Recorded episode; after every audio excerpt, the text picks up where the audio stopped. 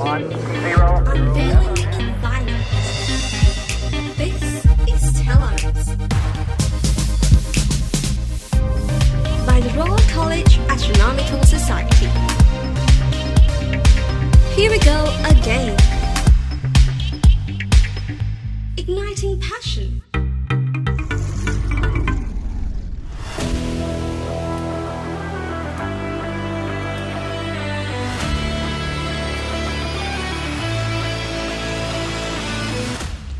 පසුගිය සතිය අපි කතා කරපු පාටිකල් ෆිසික්ස් පාට් වන්නගෙන් පස්සේ ඒ පිළිබඳව තවතුරටත් කරුණු කතා කරන්න අද හතරෙන පිසෝඩ් එකෙන් වාලක තුළයි රෝල් කොලජ ස්ට්‍රනොමිකල් සයිටකින් වාලට අරගෙන ස්ටෙලා රිස්පෝට් කා සිරිසගේ හතරවෙනි පිසෝඩ් එකට අද අපිත් සමගින් එකතු වෙන්නේ මොරටුව විශ්ව විද්‍යාලයේ ඩොක්ට නදීකා තිසේරා.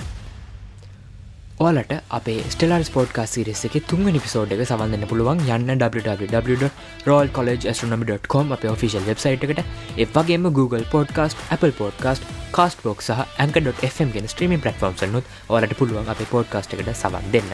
ඉතින් මේ අවස්ථාව ඩොක්ට නදිකාචි සේර මහත්මයට. අයිබෝන්.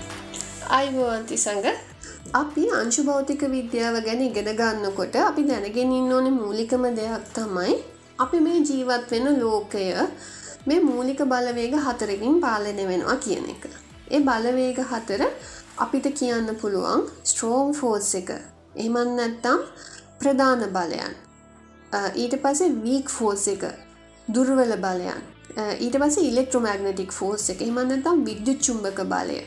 ඊට පස තිනෝ ග්‍රවිටේෂනල් ෆෝස් එක එහෙමන්නතම් ගුරුත්වාකාශන බලය මෙන්න මේ විදිහට මේ අපේ ලෝකය පාලනය කරන මේ මූලික බලවේග හතර අපිට වෙන් කරන්න පුළුවන්.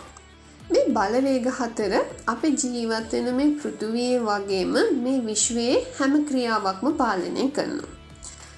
ඒ කියන අපි ගම්මක උදේට ඉරපායන එක අපේ මොලේ ක්‍රියා කරන හැටි ඉට පස ග්‍රහලෝක සූරයා වටයට බ්‍රමණය වෙන හැටි අපිට රස්නය අපිට සීතල දැනෙන හැටි ඊට පස්සේ අපේ අවට තියෙන හැම රසායනික ප්‍රතික්‍රියාවක්ම අපේ හැම චලනයක්ම අපේ මේ හැම ක්‍රියාකාරකමක්ම මේ ප්‍රධාන බලවේග හතරින් තමයි පාලනය වෙන්නේ.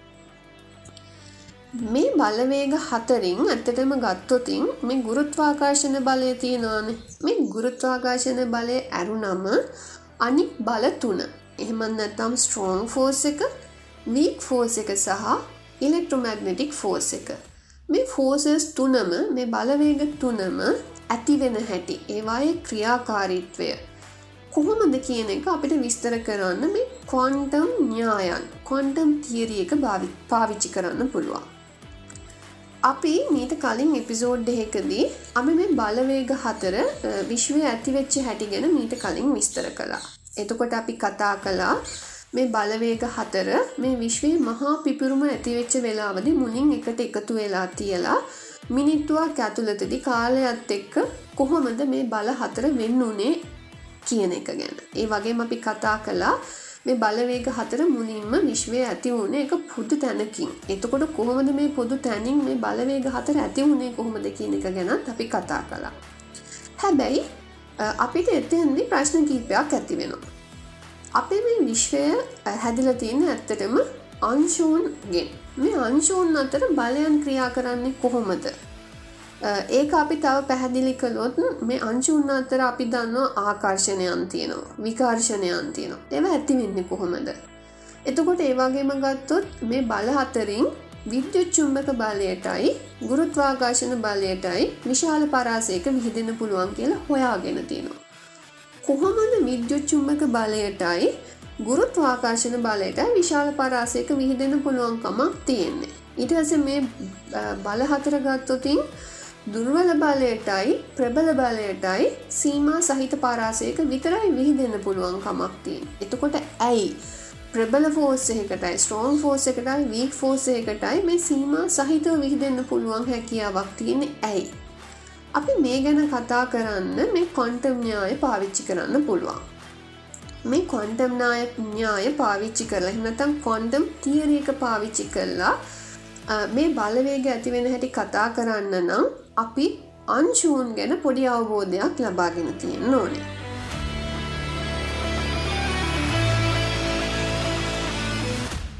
අප ස්ටලාරිස් පොඩ්කා සිරසගේ පලටිනම් ස්පොන්ස රොබියලක්. Robbie you like, Robbie you like, makes you want more, no turning back. Robbie you like, Robbie you like, if you wanna know where the shine is at. Robbie you like, Robbie you like, coming back for more of that. Robbie you like, Robbie you can't go wrong with you like. Once you go you like, there's just no turning back. Premium quality, excellent coverage, and a wide range of colors. Like, adding color to life.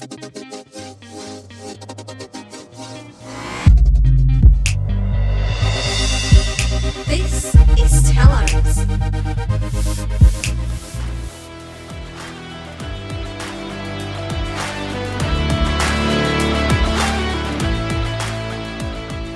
භෞතික විද්‍යාවේදී අ, අපි අංශුවක් කියල කියන්නේ ද්‍රව්‍යයක් හැදිලා තියෙන කුඩාම එකකයට. ඒ වුනාට මේ අංචුව ගත්තම ඒක හැදිලා තියෙන තැනුම් ඒකකයක්න පරමාණුව කියල කියන්නේ. අපි දැනට ඉගෙනගෙන තියෙනවා අපි මේ ලෝකයේ හඳුනාකි- හඳුනාගෙන තියෙන ද්‍රව්‍ය ඔක්කොම වගේ කාණ්ඩ ගත කල්ලා. එමනත්නම් සෙක්ෂන්ස් වලට ගරුප් කරලා ඒ ද්‍රව්‍යවල තියෙන කුඩාම තැනුම් ඒකකය වෙන මේ පරමාණුවල ලක්ෂණයන් අනුව මේ පරමාණුව තමයි මේක මේ මූලද්‍රව්‍යයන් රෙප්‍රසන් කරන්නේ. එතකොට මේ පරමාණුවේ ලක්ෂණ අනුව අපිට පුළුවන් මේ ද්‍රව්‍යයන් ආවර්තිතා වගුවකට කාණ්ඩ ගත කල්ලා සකස් කරන්න. එතකොට මේ පරමාණු වෙලා පරමාණුවල තියෙන ක්‍රියාකාරීත්වය අනුව මේ පරමාණු අතර අන්තර් ක්‍රියාකාරකම් ඇති වෙනවා. අපි හැමෝම රසායන විද්‍යාව ඉගෙන ගන්නකොට මේ පරමාණු අතර ඇතිවෙන මේ අන්තර් ක්‍රියාකාරකම් ගැන අපිට රසායන විද්‍යාවේදී ඉගෙන ගන්න පුළුවන්. කොහොමද රියක්ෂන් සිද්ධ වෙන්නේ? පරමාණු දෙකක් එකතු වෙන්නේ කොහොමද? ඒ පරමාණු දෙක එකතු වෙලා තව සංගටකයක් හදන්නේ කොහොමද? මේ කියන සෑම කාරණයක්ම අපි රසායන විද්‍යාවදි ඉගෙන ගන්නවා. අපි ගත්තොතින් මේ පරමාණුවේ සැකැස්ම අ, මේ පරමාණුවේ සැකැස්ම ගැන ගොඩක් ඇත කාලයේ ඉඳං විද්‍යාඥයන් අධ්‍යයනය කල්ලා තියෙනවා. ඒ වගේම තමයි ඒ කාල හිටපු දර්ශනිකයොත් මේ පරමාණුව ව්‍යවහයන් ගැන කතා කරලා තියෙනවා. එතකොට විද්‍යාඥයන් පර්යේෂනාත්මකව අධ්‍යයනය කල්ලා මේ පරමාණුවට යම්කිසි ව්‍යවහයක් ලබලදීලා තියෙනවා. ඒගොල්ලොන්ගේ හෙමන්න තම විද්‍යාඥයන්ගේ හඳුනා ගැනීමට අනුව ගත්තම මේ පරමාණුවට තියෙනවා ගණකම න්‍යෂ්ටියකුයි මේ න්‍යෂ්ටිය වටේට භ්‍රමණය වෙන එක එක ශක්ති මට්ටම්වල තියෙන ඉලෙක්ට්‍රෝන වලාවකුයි. මෙන්න මේකෙන් තමයි පරමාණුව සකස් වෙලා තියෙනවා කියලා දැනට විද්‍යාඥයන් අ, ඒ කාලෙදි හොයාගත්තේ. අපි ගත්තොතින් මේ අවර්තිත වගේ තියෙන ඕනම මූලද්‍රව්‍යයක් අරගෙන මේ මූලද්‍රව්‍ය ගැන විස්තර කරන්නට ගියොත් ඒ මූලද්‍රව්‍ය හැදිලා තියෙන කුඩාම තැනුම් ඒකකය වෙන පරමාණුව අපිට ඇත්තටම ප්‍රමාණව මොකද අපිට එතනින් ඇතුළට යන්න ඕන නැහැ මේ ද්‍රව්‍ය මූලද්‍රව්‍ය ගැන විස්තර කරන්න හැබැයි අපි මෙතනින් ටිකක් එහාට ගිහිල්ලා මේ විශ්වයේ ක්‍රියාත්මක කරන මේ බලවේග හතර ක්‍රියාකාරී වෙන හැටි ගැන විස්තර කරන්නට ගියෝතින් නං මේ පරමාණුව ප්‍රමාණවත් වෙන්නේ. මොකද මේ විශ්වය ද්‍රව්‍ය හැදිල තියෙන පරමාණු වලින් නං මේ විශ්වයේ ක්‍රියාකාරීත්වය පාලනය කරන බලවේග හතර ක්‍රියාත්මක වෙන හැටි ගැන විස්තර කරන්න මේ පරමාණුවට පුළුවන්කමක් තියෙන්න ඕනේ. එහෙමත් නැත්නම් මේ පරමාණුව හැදිලා තියෙන ප්‍රෝටෝන නිියුට්‍රෝන ඉලෙක්ට්‍රෝන වලට පුළුවන්කමක් තියෙන්න ඕනේ මේ විශ්වයේ ක්‍රියාකාරීත්වය පාලනය කරන මේ ප්‍රධාන බලවේග හතර ක්‍රියාත්මක වෙන ආකාරය ගැන විස්තර කරන්න. ඒ වගේම තමයි මේ බලන්නකො පරමාණුවකට න්‍යෂ්ටියක් තියෙනවනේ මේ න්‍යෂ්ටියේ තියෙනවා ආරෝපනයක් නැති නිියුට්‍රෝනය නිියුට්‍රෝනත් ධන ආරෝපනයක් තියෙන ප්‍රෝටෝනත් තියෙනවා. අපි දන්න දෙයක් තමයි මේ ප්‍රෝටෝන වලට ධනාරෝපනයක් තියෙන හින්දා එක හා සමාන ආරෝපන එකිනෙකාට විකර්ශණය වෙන්න ඕන කියන එක. හැබැයි න්‍යෂ්ටිය ඇතුළතදී මේ ප්‍රෝටෝන එකිනෙකට විකර්ශණය වෙන්න නැතු තියෙන්නේ කොහොමද කියලා කෙනෙක්ට අහන්න පුළුවන්. එතකොට මේ පරමාණුවේ ඇත්තටම ඇතුළේ වියහේ අපි හරියටම අධ්‍යයනය කරන්නේ නැතුව අපිට මෙන්න මේකට උත්තර දෙන්න බෑ. මෙන්න මේ දේවල් විස්තර කරන්න විද්‍යාඥයන් ඇත්තටම මේ හිතාගෙන හිටියට පරමාණුව හැදිලා තියෙන්නේ ප්‍රෝටෝන නිියුට්‍රෝන හා ඉලෙක්ට්‍රෝන වලින් කියන එක ඇත්තටම ප්‍රමාණවත් වෙන්න නෑ. ඒගොලු බැලුවා මේ ප්‍රෝටෝන නිියුට්‍රෝන ඉලෙක්ට්‍රෝන හැදිලා තියෙන්නේ මොනහින්ද කියලා. ඒවා ගැන එගොලු පර්යේෂණ සිද්ධ කළා. මෙතෙන්දී මේ ප්‍රෝටෝනයි නිියුට්‍රෝනයි හැදිලා තියෙන තවත් කුඩා තැනුම් ඒකකයක් ඒ ගොල්ලොන්ට පර්යේෂනාත්මකව හොයාගන්නට පුළුවන් වුණා. ඒවා අපි කවාක් කියලා සඳහන් කරනවා. මේ කවාක් කියන එක ගැන මේ කවා කංශූන් ගැන පළවෙනිම සොයා ගැනීම සිද්ධ වුණේ වර්ෂෙක්දස් නමසය හැට අටේදී.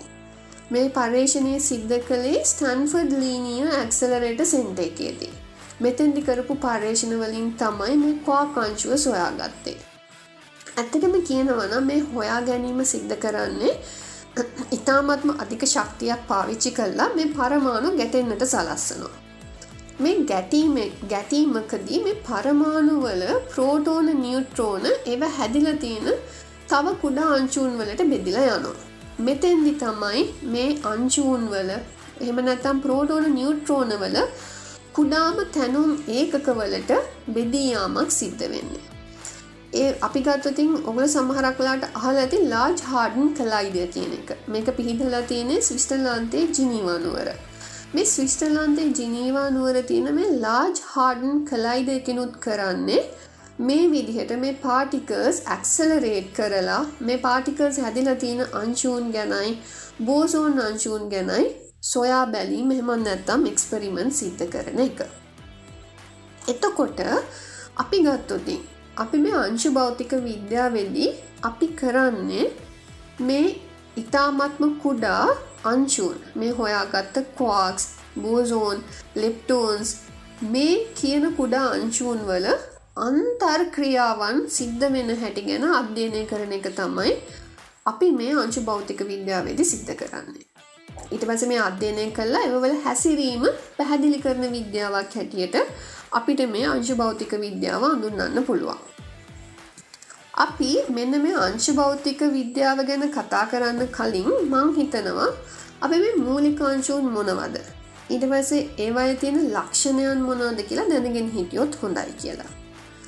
අපේ අපි ඉගෙන ගන්න සාමාන්‍ය ආවර්තිතා වගුව තියෙනවානේ මේ ආවර්තිතා වගේ අපි දන්න දෙයක් තමයි පරමාණු කාණ්ඩ ගත කරලා තියෙනවා කියලා ඒ වගේම මේ අපි දැන් කතා කරන මූලික අංශූනුත් ස්ටෑන්ඩඩ් මොඩල් එකක් අනුව කාණ්ඩගත කරලා තියෙනවා ආවාර්තිතා වගෝ වගේම. අපි බලමු මොනවද මේ අංශූන් කියලා. මේ අංශූන් මුලින්ම කවාක් සහ ලෙප්ටෝන් විදිහට කාණ්ඩ දෙකකට බෙදනවා. මෙතන කවාක් අංශු හයක් තියෙනවා ලෙප්ටෝන් අංශු හයකුත් දැනට අඳුනගෙන තියෙනවා. අපි මේ දොළහ එහමන් නැතම් කවාකාංශු හයයි ලෙක්ටෝන් අංශු හයයි අපි ෆර්මියෝන්ස් කියලා හඳුන්වනු. එතකොට ෆර්මියෝන්ස් දොළහක් තියෙනවා. එතකොට මේ ෆර්මියෝන්ස් දොළහට ප්‍රතිපදාර්ථ වුණු ඇන්ටිෆර්මියෝන්ස් දොළහකුත් තියෙනවා. ඊට පස්සේ ෆර්මියෝන්ස් දොළහයි ඇන්ටිෆර්මියෝන්ස් දොළහයිට අමතරව විශ්වයේ මේ ක්‍රියාත්මක වෙන ප්‍රධාන බලවේග හතරට වග කියන මේ බලවේග හතර විස්තර කරන්නට පුළුවන් වෙන බෝසෝන් අංශු හතරකුයි තවත් බෝසෝන් අංශුන් දෙකකුයි හොයාගෙන තියෙනවා. ඊට අමතරව ප්‍රධාන බල හතරට වග කියන බෝසෝන් ප්‍රධාන බල තුනට වග කියන බෝසෝන් අංශු තුන අපි ගේජ් බෝසෝන් කියලා හඳුන්වනවා. ඊට පස්සේ මේ අපි ගත්තොතින් මේ බල තුනට වග කියන ගේජ් බෝසෝන් හතරට අමතරව තව ගේජ් බෝසෝන් අංශුවකුත් තියෙනවා. මේ අපි W නෙගටිව් බෝසෝන් අංශුව කියල තමයි හඳුන්වන්නේ. ඊට පස්සේ අපිට තියෙනවා හික්ස් බෝසෝන් අංශුව මේ හික්ස් බෝසෝන් අංශුව අපි ස්කේල බෝසෝන් අංශුවක් හැටියට තමයි කාණ්ඩගත කරන්නේ. දැන් අපි බලමු අපි ගාව තියෙන මේ කවාක්ස් වර්ග හය මොකක්ද කියලා. කවාක්ස් වර්ග හය තමයි අප් කවාක් ඩවන් කවාක් චාම් කවාක් ස්ට්‍රේන්ජ් කවාක් ටොප් කවාක් සහ බොටම් කවාක් ඊට පස්සේ අපි කිව්වා ලෙප්ටෝන් හයක් තියෙනවා කියෙන මේ ලෙප්ටෝන් හය තමයි ඉලෙක්ට්‍රෝන් ඉලෙක්ට්‍රෝන් නිියුට්‍රිනෝ මුවන් මුවන් නිියුට්‍රිනෝ ටාවෝ ටාවෝ නිියුට්‍රිනෝ මේ ෆර්මියන්ස් දොළහට එමනැත්තම් කවාක්ස් හයටයි ලෙප්ටෝන්ස් දොළහටයි ප්‍රතිපදාර්ථ වෙච්ච ඇන්ටිෆර්මියෝන්ස් දොළහකුත් තියෙනවා. උදාහරණයක් ඇදිට ගත්තොතින් ඉලෙක්ට්‍රෝනය ප්‍රතිපදාර්ථය තමයි පොසිට්‍රෝන් එක. මෝන් එකේ ප්‍රතිපදාර්ථය තමයි ඇන්ටිමෝන් එක. ඊට පසේ මෝන් නිියුට්‍රිනෝ එකේ ප්‍රතිපදාර්ථය තමයි මෝන් ඇන්ටි නිියුට්‍රිනෝ එක.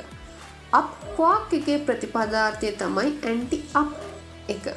ඒ වගේ ඇන්ටි ඩවන්් මෙන්න මේ විදිහට අපිට ඇන්ටිෆර්මියෝන්ස් ටික අඳුන්නන්න පුළුවන්. අපි දැනගන්න ඕන තවත් විශේෂ දෙයක් තමයි මේ අංචූන් වලට විශාලත්වයක් තියෙනවා. මෙවලට ස්කන්ධයක් තියෙනවා. මෙවලට ආරෝපනයක් තියෙනවා. ඒ වගේම තමයි අංශුවලට අදාළ බ්‍රමණයක් බ්‍රමණයකුත් තියෙනවා. මීට අමතරව අපි බෝසෝන් අංශු ගැන කතා කළෝතින් මේ විශ්වය ක්‍රියාත්මක වෙන ප්‍රධාන බලවේග. එහෙමත් නැත්තම් ප්‍රධාන බල හතරට අනුකූල වෙන අංශුවන් හතරක් තියෙනවා. මේකෙන් මේ ගලුවෝන් කියන අංශුව ප්‍රබල බලය ගැන අපිට කතා කරන්න පාවිච්චි කරන්න පුළුවන්. මෙතන මේ ගලුවෝන් අංශුවට ස්කන්දයකුයි ආරෝපනයකුයි නැහැ එකට තියෙන එක බ්‍රමණයක්. ඊළඟට විද්‍යුත් චුම්මක බලය ගැන කතා කරන්නකොට අපි පාවිච්චි කරන්නේ මේ ෆෝටෝන් කියන බෝසෝන් අංශුව. මේකට ස්කන්දයකුයි ආරෝපනයකුයි නැහැ ඒකට තියෙන එක බ්‍රමණයක් විතරයි. ඊට පස්සේ දුර්වල බලයට වග කියන්න ඕනේ ඉසෙත් සහ W ප්ලස් කියන බෝසෝන් අංශු දෙක. මේ අංශුන් දෙකටම ස්කන්ධයක් තියෙනවා. මෙතනින් ඉසෙට් බෝසෝන් අංශුවට ආරෝපනයක් නෑ එක බ්‍රමණයක් තියෙනවා. W ප්ලස් බෝසෝන් අංශුවට ස්කන්ධයකුයි ආරෝපනයකුයි වගේම එක බ්‍රමණයකුත් තියෙනවා. මීට අමතරව ගුරුත්වාකර්ශණ බලයට වග කියන්නේ ග්‍රැවිටෝන් කියන අංශුවයි. මෙතනින් අපි කවාක් සහ ගලුවෝන් වර්ණ ආරෝපිත අංශු විදිහට ගන්න පුළුවන්. එහෙමත් නැත්තම් මේවට අපි කලර් චාර්ජ් එකක් අංශුන් අතර අන්තර් ක්‍රියා කරන හැටි පැහැදිලි කරන්න ඇතටම මේ කලර් චාර්ජ් එක භෞතික විද්‍යාඥයන් පාවිච්චි කරනවා. ප්‍රධාන විදිහට වර්ණාරෝපන තුනකුයි ඊට අනුරූප වෙන අනුපූරක වර්ණ එහෙම නැත්තම් ප්‍රතිවර්ණ තුනකුයි තියෙනවා. මේ වර්ණ ආරෝපන තියෙන්නේ සාමාන්‍යයෙන් රත්තු කොල්ල සහ නිල් කියන වර්ණ අදාළ කරගෙන. එතකොට රතුවර්ණය රතුවර්ණයේ ආරෝපනයේ හෙමනත රතුවර්ණ ආරෝපනයේ ප්‍රතිවර්ණ ආරෝපනය වෙන්නේ ඇන්ටිරෙඩ්. කොලවර්ණයේ ප්‍රතිවර්ණ ආරෝපනය වෙන්නේ ඇන්ටිග්‍රී. ඒ වගේම නිල්වර්ණයේ ප්‍රතිවර්ණ ආරෝපනය වෙන්නේ නිල් වර්ණාරෝපනයේ ප්‍රතිවර්ණ ආරෝපනය වෙන්නේ ඇන්ටි බ්ලූ. මෙන්න මේ විදිහට අපිට ගන්න පුළුවන්. හැම ක්වාක් එකකම වර්ණ ආරෝපන තුනෙන් එකක් තියෙනවා. ඒ වගේම තමයි ඇන්ටික්වාක් එකකම හැම ප්‍රතිවර්ණ ආරෝපන තුනෙනුත් එකක් මේ ඇන්ටික්වාක් වෙලත් තියෙනවා. ඒ වගේම තමයි මේ අවර්ණාරෝපන තුනම එකකට එකක් සම්බන්ධ වුණහම ඇනයිලේෂන් එකක් වුණහම මේ වර්ණ ආරෝපනයක් නැති උදාසීන ආරෝපනයක් එහෙමත් නැත්තම් සුදු වර්ණයක් බවට පත්වෙනවා.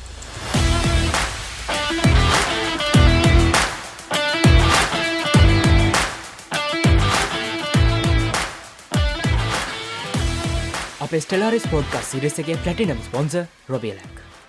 Robbie you like, Robbie you like, makes you want more, no turning back. Robbie you like, Robbie you like, if you wanna know where the shine is at. Robbie you like, Robbie you like, keep you coming back for more of that. Robbie you like, Robbie you like, you can't go wrong with Robbie you like. Once you go Robiolac, there's just no turning back. Premium quality, excellent coverage, and a wide range of colors. Robiolac, adding color to life.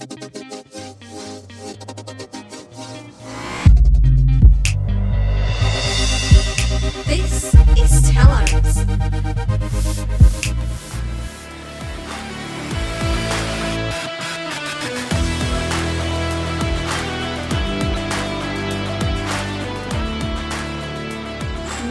අපිට මේ තවත් බෙදල වෙන් කරන්නට බැරි අංචූන් ගැන දැනුමක් තියෙන හින්දා අපි බලමු මේ අංශූන් අතර අන්තර් ක්‍රියාව වෙන විදිය ගැනයි අපේ විශ්වයේ ක්‍රියාත්මක වෙන මේ ප්‍රධාන බල හතර ඇති වෙන්නේ කොහොමද කියන එකයි ගැන. මං හිතනවා හැබැයි ඊට කලින් අපි මේ ප්‍රධාන බලහතර ගැන මූලික අවබෝධයක් ලබාගත්තොත් හොඳයි කියලා.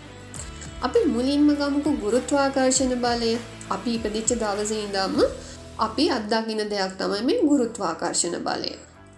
මේ ගුරුත්වාකර්ශණ බලය එහමන්න ඇතම් ග්‍රැවිටේෂනල් ෆෝස් එක. මේ ගුරුත්වාකර්ශණ බලය තමයි අපි මේ පෘතුවියට සම්බන්ධ කරලා තියෙන්නේ.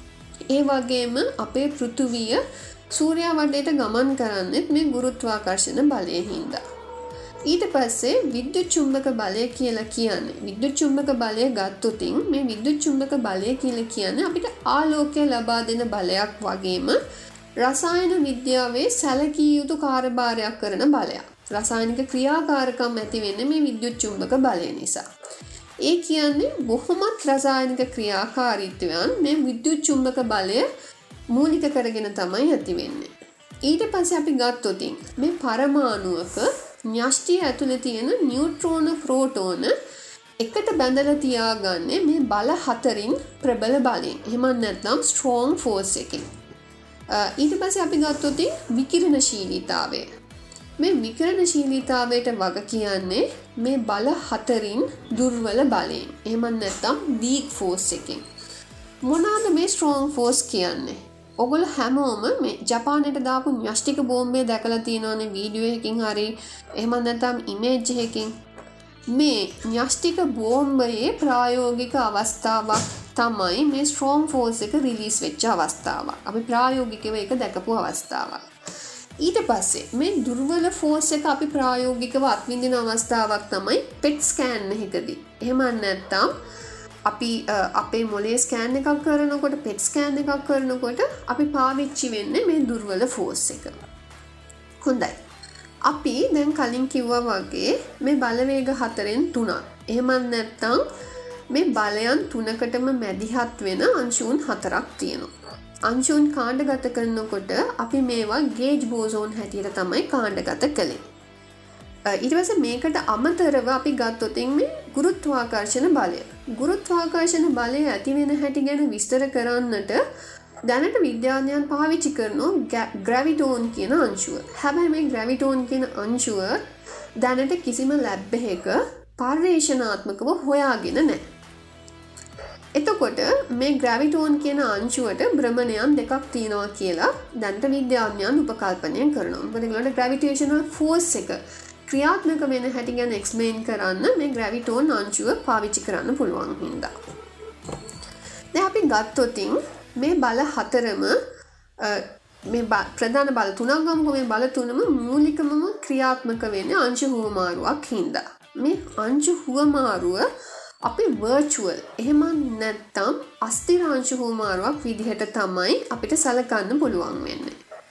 එතකොට මුලින්ම අපි බලන්න ඕනේ මොකක්ද මේ වර්චුවල් පාටිකල් එක කියන්න කියලා. මේ අංචූන් මේ හයිසන්බ ගවිනිශ්චතා මූලධර්මය නිසා පවතින අංශු කියල තමයි අපිට මුලින්ම හඳුන්වන්න පුළුවන් වෙන්නේ.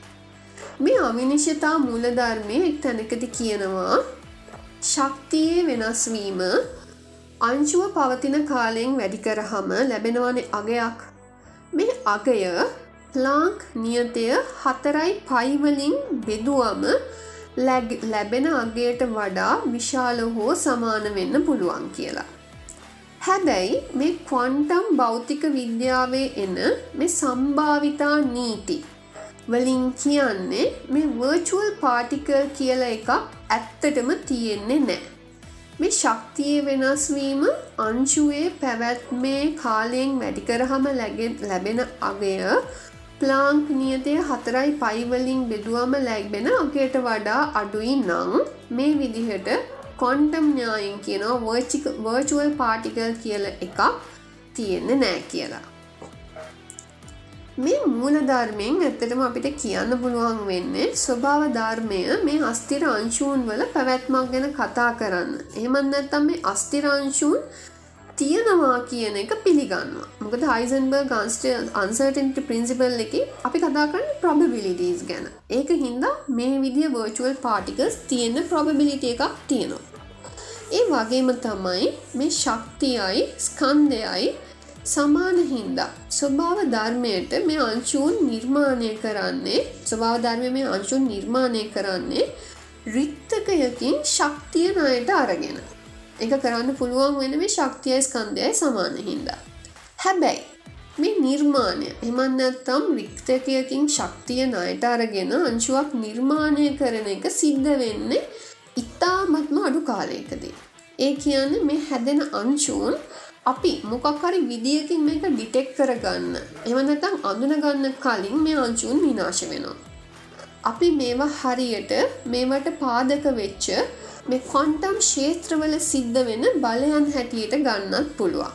එහෙමත් නැත්තම් මේ කොන්ටම් ශේත්‍රවල බලයන් හැටියට ගන්න පුළුවන් වෙන්නේ මේවා වලින් ඇතිවෙන උත්තේජනයන් හැටියට මිසක් අංශූන් හැටියට සලකන්නට බෑ. ඒ කියන්නේ කොන්ටම් ශේත්‍රවල සිද්ධ වෙන බලයන් මේ කොන්ටම් ශේත්‍රවල සිද්ධ වෙන උත්තේජනයන් හැටියට තමයි අපිට ගන්න පුළුවන්. මේවා ඇත්තටම අපිට අංශූන් හැටියටම හරියට සලකන්න පුළුවන් කමක් ඇත්තේ නැහැ.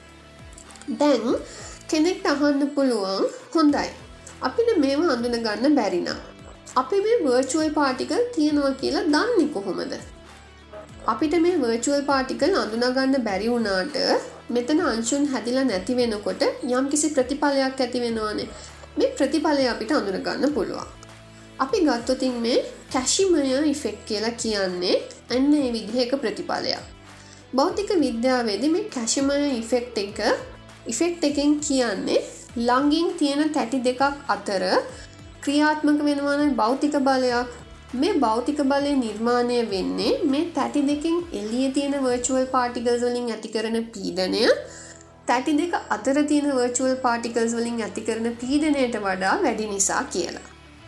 දැන් ඕගොලොන්ට හිතෙන්න පුළුවන් මේ විදිහට අස්තිර අංශු හුවමාරුවකින් බලයක් නිර්මාණය වෙන්නේ කොහොමද කියලා. අපිට මේක දිහා බලන්න පුළුවන් විදි දෙකක් තියෙනවා. අපි මෙතැන්දි ගමුකෝ විද්‍යුත් චුම්භක බලය උදාහරණයක් විදිහට. අපි දන්නවා චුම්භක දෙකක් එකළඟින් තිබ්බොත් එක්කො ඒවා ආකර්ශණය වෙනවා එමත් නැතම් ඒවා විකර්ශණය වෙනවා. මෙතෙන්දී මේ විදිේ ආකර්ශණයක් හරි විකර්ශණයක් හරි ඇති වෙන්නේ මේ චුම්භක අතර වර්චුවල් පාටිකල් හෝමාරුවෝ වුණොත් විතරයි. අපි මේක ආදර්ශ කරන්නට එමනත්තා අපි මේක ගැන එක්ස්පේන් කරන්නට බොහොම සරල උදාහරණයක් ගමු. ඔගොල හිතන්න ඔගොල හිතා එගොලො ඉමැජීන් කරගන්න පුද්ගලයෝ දෙන්නේ ගඟක් මැද්දේ බෝට්ටු දෙකක් උඩ ඉඳගෙන එකිනෙකා දිහා බලාගෙන ඔවුන්ගේ අතේ තියෙන බාස්කට් බෝල දෙක එකිනෙක අතරේ හෝමාරු කරගන්නෝ කියලා. මේ විදිිය හෝමාරුවක් කරගන්න කොට මේ බෝට්ටු දෙක එක්කින එකාගෙන් ඇතට ගමන් කන මේක තමයි ප්‍රක්ටිකලි සිද්ධ වෙනදේ. මේක සිද්ධ වෙන්නේ මේ බෝල හූමාරුව කරගන්නකොට ඒගොල්ලොන්ගේ ගම්්‍යතාවේ හූමාරුවක් සිද්ධ වෙනවා. මෙන්න මේක නිසා තමයි මේ බෝට්ටුව එකනෙකාගෙන් ඇත්වීමක් සිද්ධ වෙන්නේ. මේක හරියට ෆෝටෝනයක් ආරෝපිත අංශූන් අතර ගම්්‍යතා හුවමාරුවක් සිද්ධ කරගන්නවා වගේමයි. එතකොට මේ විදිහේ ප්‍රෝටෝන හුවමාරුවකින් අංශූන් අතර විකර්ශනයක් සිද්ධ වෙනවා. මෙතන තියෙන එකම වෙනස තමයි මේ හුවමාරුවෙන ෆෝටෝනය අස්තිර. එහෙමත් නැත්තම් වර්චුවල් ෆෝටෝන් එකක් වෙන එක. මොකද අපි කතා කර උදාහරණද අපි කතා කළේ බාස්කට් බෝල් දෙක නමුත් ඇත්තන වංශ භෞතික විද්‍යාවේදී මේ ෆෝටෝන් හිවමාරු වර්චුවල් ෆෝටෝන් හෝමාරක් විදිහට තමයි අපිට අඳුර ගන්න පුළුවන්කමක් තියෙන්නේ. දැන් ඔගලට හිතෙන්න පුළුවන් මේ විදිිය ෆෝටෝන් අංචුහුව මාරුවකින් කොහොමද අංචුන් අතර ආකර්ශණයක් ඇති කරන්නේ කියලා. ඒක ඇත්තටම සිද්ධ වෙන්නේ දැන් අපි කලින් කතාකට පුදාහරණයද සිද්ධ වුණේ දන ගම්්‍යතා හුවමාරුවක්.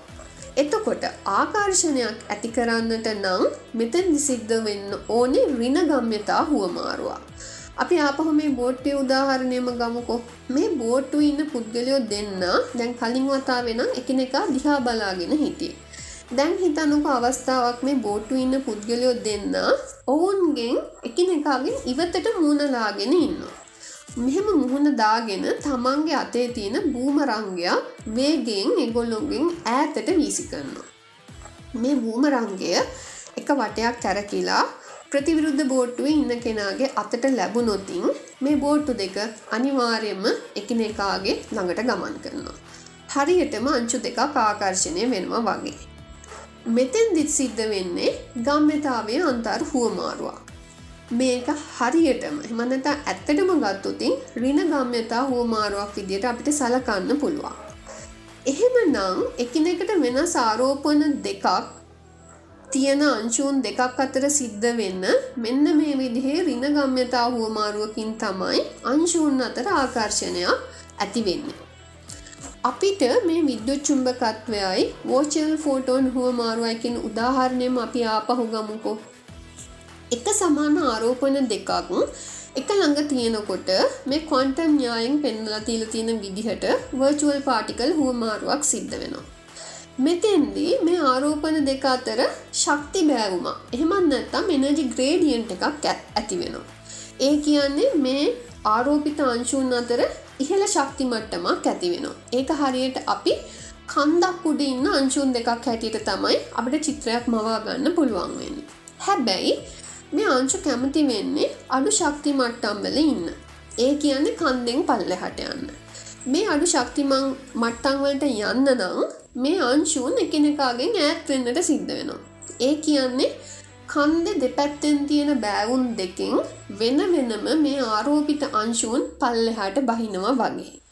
එතකොට මේ විදිට පල්ලෙහට බැස්සහම ආරෝපිත අංශූන් දෙක එකිනෙකාගෙන් වෙන් වෙනවා. එහෙමත් නැත්තම් විකර්ශණය වෙනවා. මෙන්න මේකෙන සංසිද්ධියට විරුද්ධ දෙයක් තමයි විරුද්ධ ආරෝපිත අංශූන් දෙකක් එකළඟ තියෙනකොට සිද්ධ වෙන්නේ. මෙතනදී ආරෝපිත අංශූන් දෙකක් අතර සිද්ධ වෙන වර්චුවල් පාටිකල් හුවමාරුව නිසා ඇත්තටම සිද්ධ වෙන්නේ හොඳ අපි දැන් එකනෙකාට විරුද්ධංශූන් දෙකක් එකළඟ තිබ්බහම මේ ආරෝපිත අංශූන් අතර සිද්ධ වෙන වර්චුවල් පාටිකල් හුවමාරුව හින්දා පහළ ශක්ති මට්ටම් බෑවුමක් ඇති වෙනවා හරියට එක නිම්නයක් වගේ. එතකොට කලින් වගේම මේ අංශූන් කැමති වෙන්නේ අඩු ශක්ති මට්ටමකට එන්න. ඒක නිසා මේ අංශූන් දෙක ශක්ති බෑවුන් දෙක දිගේ වෙන වෙනම මේ නින්නේ පතුලට බහිනවා. එතෙන්දි වෙන්නේ මේ විරුද්ධ ආරෝපිත අංශූන් දෙක එකිනෙකාගේ ළඟට එන එක. එහෙමත් නැත්තම් අංශූන් අතර ආකර්ශණය වීමක් සිද්ධ වෙන එක. දැන් ඊළඟට අපිට අහන්න පුළුවන් අපි මුලින්ම කතා කරපු දෙයක් ගැන. ඒක තමයි මේ විද්‍යුත් බලයට අසීමිත බල පරාසයක් තියෙන්නේ ඇයි කියලා. මේකට ප්‍රධානම හේතුවක් තමයි මේ විද්‍යුත් චුම්බක බලය ඇති කරන ෆෝටෝනු හෝමාරුවකදී මේ ෆෝටෝනවලට ස්කන්ධයක් නොමැතිවීම. අපි අර කලින් කතා කරපු හයිසන්බර්ගේ අස්තිර ඥාය අරගෙන ඒක තියෙන ඉක්වේෂන් එකේ අංශුන්ගේ ශක්තිය කියන තැනට ස්කන්ධයයි දුරයි ආදේශ කළෝතින් ගනිතයෙන් අපිට පැහැදිලි වෙනවා ස්කන්දය වැඩි වෙනකොට මේ අංශුවට ගමන් කරන්නට පුර ගමන් කරන්නට පුළුවන් දුර සීමා සහිතයි. එහෙමත් නැත්තම් ගමන් කරන්නට පුළුවන් දුර කොටයි කියලා. හැබැයි මෙතෙන්දි ෆෝටෝනොවට ස්කන්ධයක් නැති හින්දා මේ අංශූන් වලට අසීමිත දුරක් ගමන් කරන්නට පුළුවන්. මේ අසීමිත දුර සීමා වෙන්නේ එයා තවත් ආරෝපිත අංශුවකින් මේ ෆෝටෝනය නිෂ්ක්‍රීය කරනකං විතරයි. ඒ කියන්නේ විද්‍යුත් චුම්බක බලයට අසීමිතව විශාල බල පරාසයක පවතින්නට පුළුවන් හැකියාවක් තියෙනවා. රිචඩ් ෆේමන් කියල කියන්නේ ඇමරිකානු භෞතික විද්‍යාර්ථය. ඔහු විසින් මේ අංශු අංශු භෞතික විද්‍යාවට ඉතාමත්ම විශාල සේවයක් කල්ලා තියෙනවා. මේ ඇමරිකානු භෞතික විද්‍යාඥයා මේ අංශූන් අතර අන්තර් ක්‍රියා කරලා බලයන් ක්‍රියාත්මක වෙන හැටි ගැන ඉතාමත්ම පැහැදිලිව සරලව මේ ෆේන්මන් ඩයග්‍රම් පාවිච්චි කලා පෙන්වා. ඔගලට පුළුවන් මේ ෆේන්මන් ඩයග්‍රම්ස් ගැන ඉගෙනගෙන කොහොමද මේ අංශූන් අතර බලයන් ක්‍රියාත්මක වෙන්නේ. අංශූන් අතර ආකර්ශණයන් විකර්ශණයන් සිද්ධ වෙනකොට මේ ප්‍රධාන බලයන්ගේ ක්‍රියාකාරීත්ව ඇතිවෙන්නේ කොහොමද කියන එක ගැන මේ ෆේන්මන් ඩ්‍රයිගරස් පාවිච්චි කරලා ඔගලට බොහොම ලස්සන්ට ගෙන ගන්න පුළුවන්. හොඳයි. අවසානයට හෙමනැත්තම් මේ කොටසේ අවසානයක් විදිහට අපි බලමු මේ භෞතික විද්‍යාවේ ප්‍රායෝගික යෙදීමක් හැටියට එහෙම නැත්නම් අංශු භෞතික විද්‍යාවේ ප්‍රායෝගික යෙදීමක් හැටියට මේ පෙට් ස්කෑන් එකක් සිද්ධ වෙන්නේ කොහොමද කියලා. මෙතන පෙට් කියලා කියන්නේ පොසිට්‍රෝන් එමිෂන් ටොමෝග්‍රෆි කියන එකට.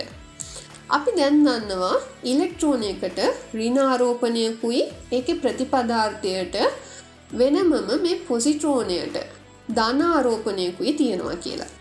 අපිට ස්වභාවිකව මේ ප්‍රතිපදාර්ථ එහෙමත් නැත්නම් ඇන්ටිමැට ඇති වෙනවා පේන්නේ නැහැ. ඒකට හේතුව තමයි අංශුවක් ඒකේ ප්‍රතිඅංශුවක් සමග සම්බන්ධ වුණාම ඒ දෙන්නම නැති වෙලා එහෙම නැත්නම් ඇනයිලේෂන් එකක් වෙලා ඒගොල්ලොන්ගෙන් ශක්තිය විමෝචනය වෙනවා. මේ ශක්තිය ගොඩක් වෙලාවට විද්‍යුත් චුම්බක ශක්තිය හැටියට තමයි විමෝචනය වෙන්නේ. ඊට පස මෙන්න මේ ක්‍රියාවේ මේ අංශුන් දෙකක් කැනයිලේෂන් වෙලා ශක්තියක් නිර්මාණය වෙනවා කියන ක්‍රියාවලියේ ප්‍රතිවර්ත ක්‍රියාව එහෙමත් නැත්නම් ආපසු ක්‍රියාවලිය දිහා අපි බලමු. අපි මෙතෙන්දි ඉතාමත්ම අධික ශක්තියක් තියෙන විකිරණ කුඩා ප්‍රදේශයකට කන්සන්ට්‍රේට් කළොත් එහෙමත් නැත්නම් සාන්ද්‍රණය කළොත් මේ ශක්තියට පුළුවන් එයාගේ අංශුවයි ඒක ප්‍රති අංශුවයි එහෙම නැත්නම් පාටිකල් එකයි ඇන්ටි පාටිකල් එකයි කියන යුගලය නිර්මාණය කරන්න. හරියට ඉලෙක්ට්‍රෝනයක් සහ පොසිට්‍රෝනයක් නිර්මාණය වෙනවා වගේ. එහෙමත් නැත්නම් ක්වාක් එකක් සහ ඇන්ටික්වාක් යුගලයක් නිර්මාණය වෙනවා වගේ. අපි ගොඩක් වෙලාවට මේ ප්‍රතිපදාර්ථ විද්‍යාගාරයන් ඇතුළතදී නිර්මාණය කරනවා. ඒ වගේම තමයි රෝහල් ඇතුළති මේවා නිපදවීම කරන්න පුළුවන්. එතකොට මේ පෙට් ස්කෑන් එකකදී එහෙමත් නැත්නම් පොසිට්‍රෝන් එමිෂන් ටොමෝග්‍රෆි ස්කෑන් එකකදී පාවිච්චි වෙන්නේ මෙන්න මේ විදිහට නිෂ්පාදනය කරන ඉලෙක්ට්‍රෝන සහ පොසිට්‍රෝන කියන පාටිකල් ඇන්ටිපාටිකල් යුගලය මේ ප්‍රතිවංශූන්වලට පුළුවන් එම නැත්තම් මේ පොසිටරෝන් වලට පුළුවන් අපේ මොලයේ විවිධ කොටස් වල තියෙන ක්‍රියාකාරීත්වය ස්කෑන් කරන්න හැබැයි මේ ප්‍රතිංශූන් නිෂ්පාදනය කරහම මේවා පවතින්නේ තප්පරයකිනුත් ඉතාමත්ම කුඩා කොටසක කාලයක විතරයි. මේ කුඩා කාලයේදී මේ ප්‍රති අංශුනුයි අංශුනුයි එකකට එකක් සම්බන්ධ වෙලා ඇනයිලේෂන් එකක් එහෙමත් නැත්නම් විනාශවීමක් සිද්ධ වෙනවා. මං හිතනවා ඔගලන්ට මේ කොටසින් අංශු භෞතික විද්‍යාවේ මූලිකවම අඳුනාගන්නට පුළුවන් වෙන අංශූන් මොනවද? පොක්ස් කියන්නේ මොනාද ලෙක්ටෝන්ස් කියන්නේ මොනවාද? ෆර්මියෝන්ස් කියන්නේ මොනාද ඇන්ටිෆර්මියෝන්ස් කියන්නේ මොනාද ඒ වගේම තමයි බෝසෝන් අංශූන් කියන්නේ මොනවාද? ගේජ් බෝසෝන් කියන්නේ මොනාද ස්කේල බෝසෝන් කියන්නේ මොකක්ද? ඊට පස්සේ මේ විශ්වය ක්‍රියාත්මක වෙන ප්‍රධාන බලවේග හතර අංශූන් අතර අන්තර් ක්‍රියාකාරීත්වයෙන් ඇතිවෙන්නේ කොහොමද කියන එක ගැන. තවදුරටත් ගත්තොතින් අපිට ප්‍රායෝගිකව මේ කියන ප්‍රධාන බලවේග හතර අපේ ප්‍රායෝගික ජීවිතයේදී අපිට බලපාන්නේ කොහොමද සහ අපිව යොදාගන්නේ කොහොමද කියන එකක් ගැන බොහොම සරල අවබෝධයක් මේ කොටසෙන් ලැබෙන්නට ඇති කියලා. මේකත් එක එකතු වුණු ගොල හැමෝටම බොහොම ස්තුතියි. එපිසෝඩ්ස් දෙකක් පුරාවට පාටිකල් ස්ටික් යන අපත් එක දැනුම් බෙදාගත්ත මොරටුව විශ්වවිද්‍යාලය ජේෂ්ඨ කතිකාචාරය ඩොක්ට නතිගා තිසර මහත්මයට බොහොමත්ම ස්තුති. ඔලට පුළුවන් අපේ පෝඩ්කා සිරිසත් එක් එකතු වෙන්න යන්න www.rollcollegeastronom.com අප ඔෆිසිල් වෙබ්සයිට් එකට ඒවගේම Google podcast Apple podcast castbox ඇක.fm කෙන ස්ත්‍රීම පලටෆෝම්සනුත් ඔලට පුළුවන් අපිත් එක්ක සම්බන්ධ වෙන්න. මීලග පිසෝඩ් එකනොත් මේ වගේ ඉන්ට්‍රස්ටින් ටොපික්යක් එක් අල්හම්විම බලාපොරොත්තයෙන් අතට අපි සමුගන්නවා.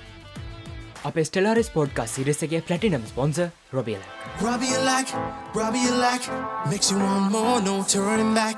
Robbie like, Robbie like, if you wanna know where the shine is at.